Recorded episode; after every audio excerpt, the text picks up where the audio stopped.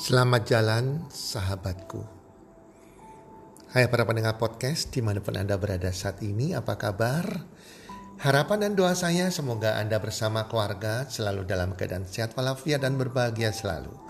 Dan pasti-pastinya saya pastikan semoga rezeki Anda makin hari makin bertambah dan kesuksesan selalu menyertai Anda.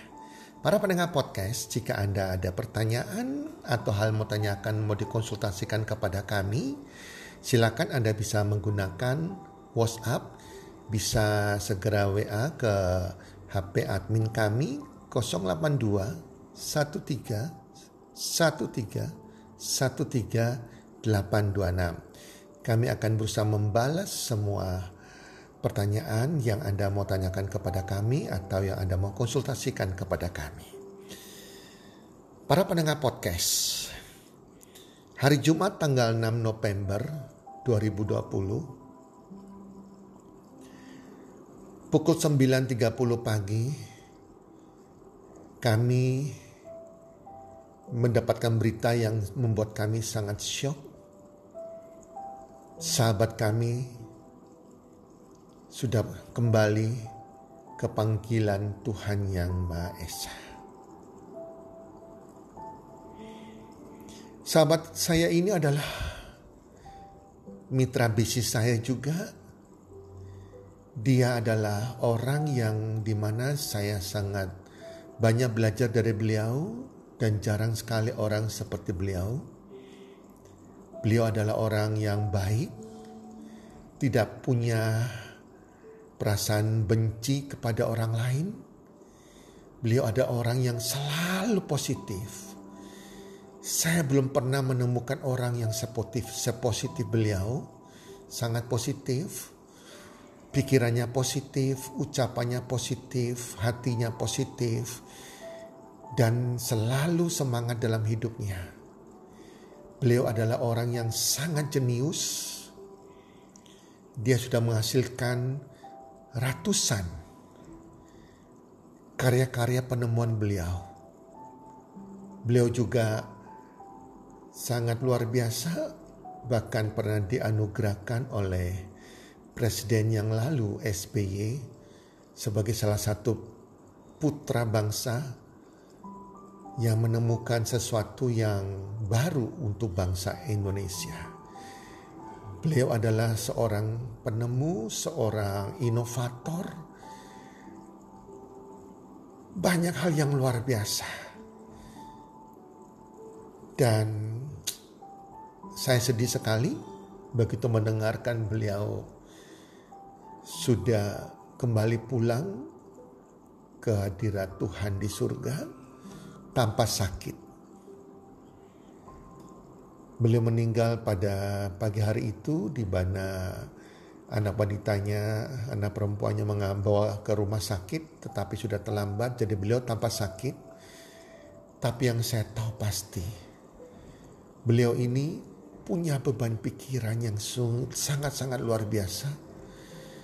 Ada masalah, ada beban yang beliau gumuli bertahun-tahun yang belum beres, yang belum ada penyelesaiannya. Tetapi karena beliau adalah orang yang positif dan beliau juga orang yang tidak mau menyusahkan orang lain, termasuk istrinya. Maka segala persoalan beliau Beliau hadapi dengan selalu berpikir solusi dan berpikir sendiri, menanggung sendiri beban pikirannya. Tapi karena ini masalah berkaitan dengan hukum dan seminggu sebelum beliau meninggal sudah ada vonis tentang hukum tersebut. Itu yang membuat beliau stres. Para pendengar podcast, seseorang yang stres walaupun dia sehat sekalipun, maka akan seketika metabolismenya akan terganggu. Dengan sendirinya juga segala yang berkaitan dengan radikal bebas akan bermunculan. hormon kortisol, hormon yang jahat itu akan bermunculan juga di dalam tubuh orang yang stres. Walaupun seseorang yang sehat, tapi kalau dia sudah stres luar biasa, maka semua penyakit akan muncul seketika itu. Oksigen juga akan terhambat ke otak kita, karena jalan darah juga akan jadi gak lancar. Stres ini yang beliau membuat beliau kemudian meninggal tanpa ada sakit yang terdeteksi. Saya sangat sedih sekali. Andai kata tidak ada COVID, di mana kami bisa sering ketemu, mungkin beliau akan curhat ke saya dan membagi beban yang ada dalam pikiran hati. Setidak-tidaknya bisa mengurangi stresnya. Itulah gunanya teman. What's the friend are for? Itu gunanya sahabat. Teman-teman, para pendengar podcast, dalam hidup saya banyak sahabat saya.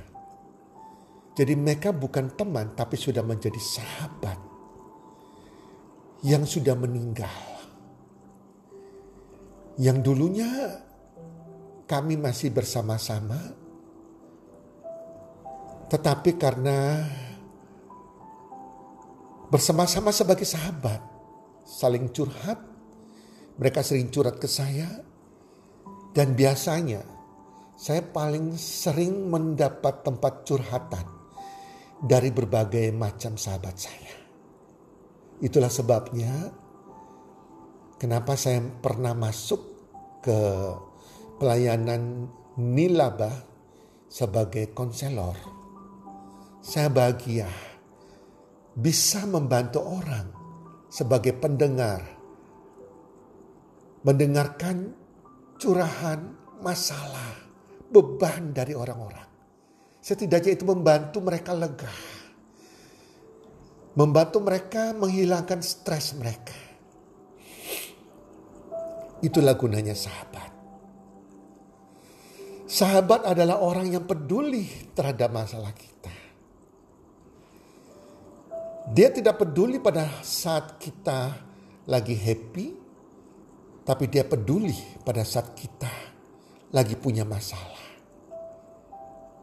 Dia tempat curhat masalah kita, tempat curhat hati kita, tempat kita bisa bertukar pikiran. Tempat dia membagi pikirannya, bertanya kepada kita. Di mana kita menjadi sahabatnya, kita menjadi orang yang dipercayainya. Yang tidak akan membocorkan semua curhatan yang dia curhat kepada kita. Itulah sahabat. Sahabat selalu bersama kita. Pada saat kita mengalami persoalan. Tapi teman, hanya pada saat kita senang, pada saat kita mengalami persoalan, dia akan pergi dari kita. Saya teringat sekali, pada waktu saya kuliah hingga lulus jadi pengusaha, saya punya empat orang yang saya anggap sebagai sahabat. Dengan saya ber, berlima orang, kami berlima selalu ke mana-mana teman-teman. Selalu bersama-sama, makan sama-sama, main sama-sama, tertawa bersama, nonton bersama, keluar kota bersama. Dan pada saat saya bangkrut, saya bangkrut yang tidak tahu bagaimana lagi bisa mengatasi persoalan keuangan saya. Di situlah teman yang saya pikir sahabat ini satu persatu menghindari saya. Bahkan saya telepon saja mereka tidak mau terima. Saya tidak ada niatan apa pun untuk meminjam uang ke mereka. Saya hanya ingin mencurhat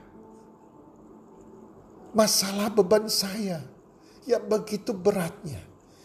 Yang membuat saya mau bunuh diri saat itu. Tetapi mereka tidak ada untuk saya. Di situlah berusaha sadari. Mereka bukanlah sahabat, mereka adalah teman.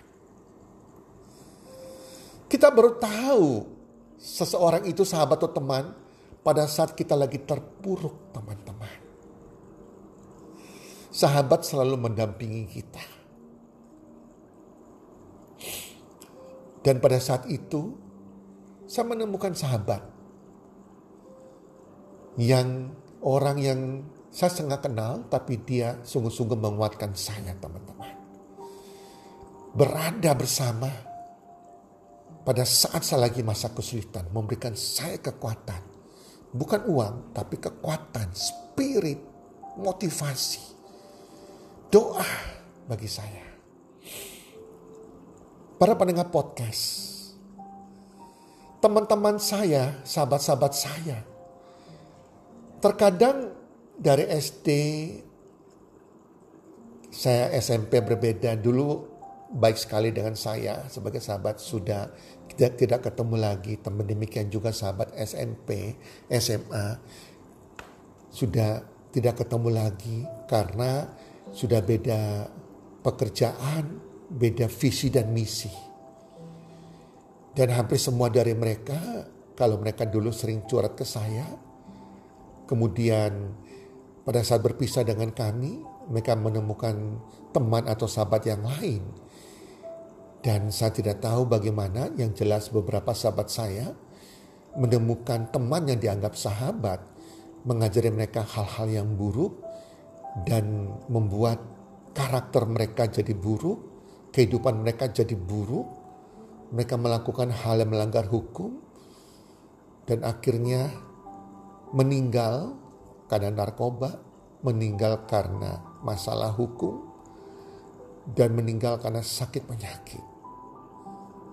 Sahabat lama saya sudah mendahului saya karena stres. Mereka tidak ada mendapatkan seorang sahabat yang sejati. Itulah sebabnya teman-teman, kenapa saya rasa peduli sekali bahwa di dunia ini sedikit sekali sahabat. Sahabat itu harta yang gak ternilai sebetulnya. Sehingga saya masuk sebagai sebagai konselor di suatu organisasi nirlaba sebagai konselor sebagai sahabat orang-orang punya masalah. Pada kesempatan ini, para pendengar podcast, jika Anda punya masalah, punya beban, sharingkan. Jika Anda sudah beristri, sudah punya suami, pasangan Anda adalah sahabat terbaik Anda. Kadang kita anak mau curhat ke orang tua bukan tempatnya. Karena kita nggak mau membuat orang tua kita menjadi beban pikiran bagi mereka. Sahabat terbaik kita adalah pasangan kita. Jika Anda rasa pasangan Anda tidak bisa Anda curhat masalahnya karena Anda takut memberikan beban kepada mereka. Cari sahabat terbaik siapa pun yang mau mendengar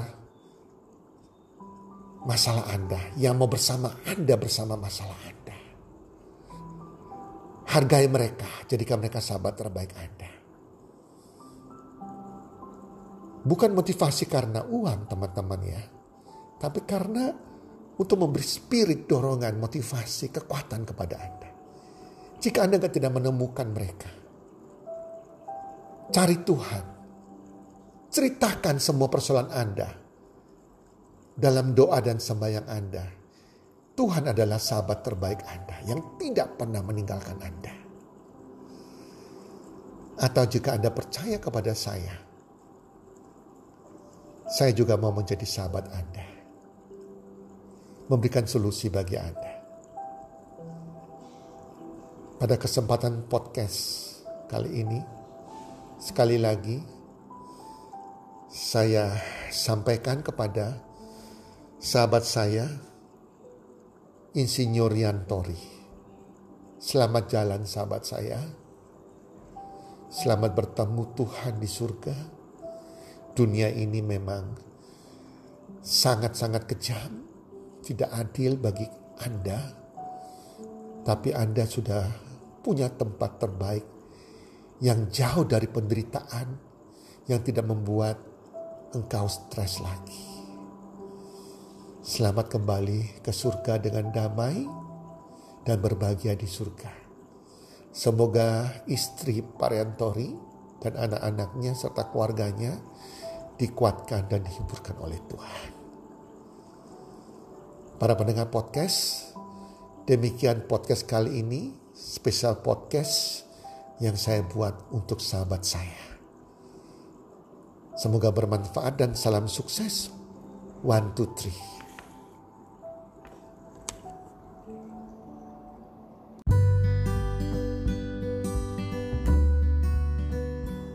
Terima kasih sudah mendengarkan podcast kami. Teman, jika Anda rasa bermanfaat podcast kami ini, Anda bisa menginfokan kepada rekan kerja Anda, keluarga Anda, teman ataupun sahabat Anda.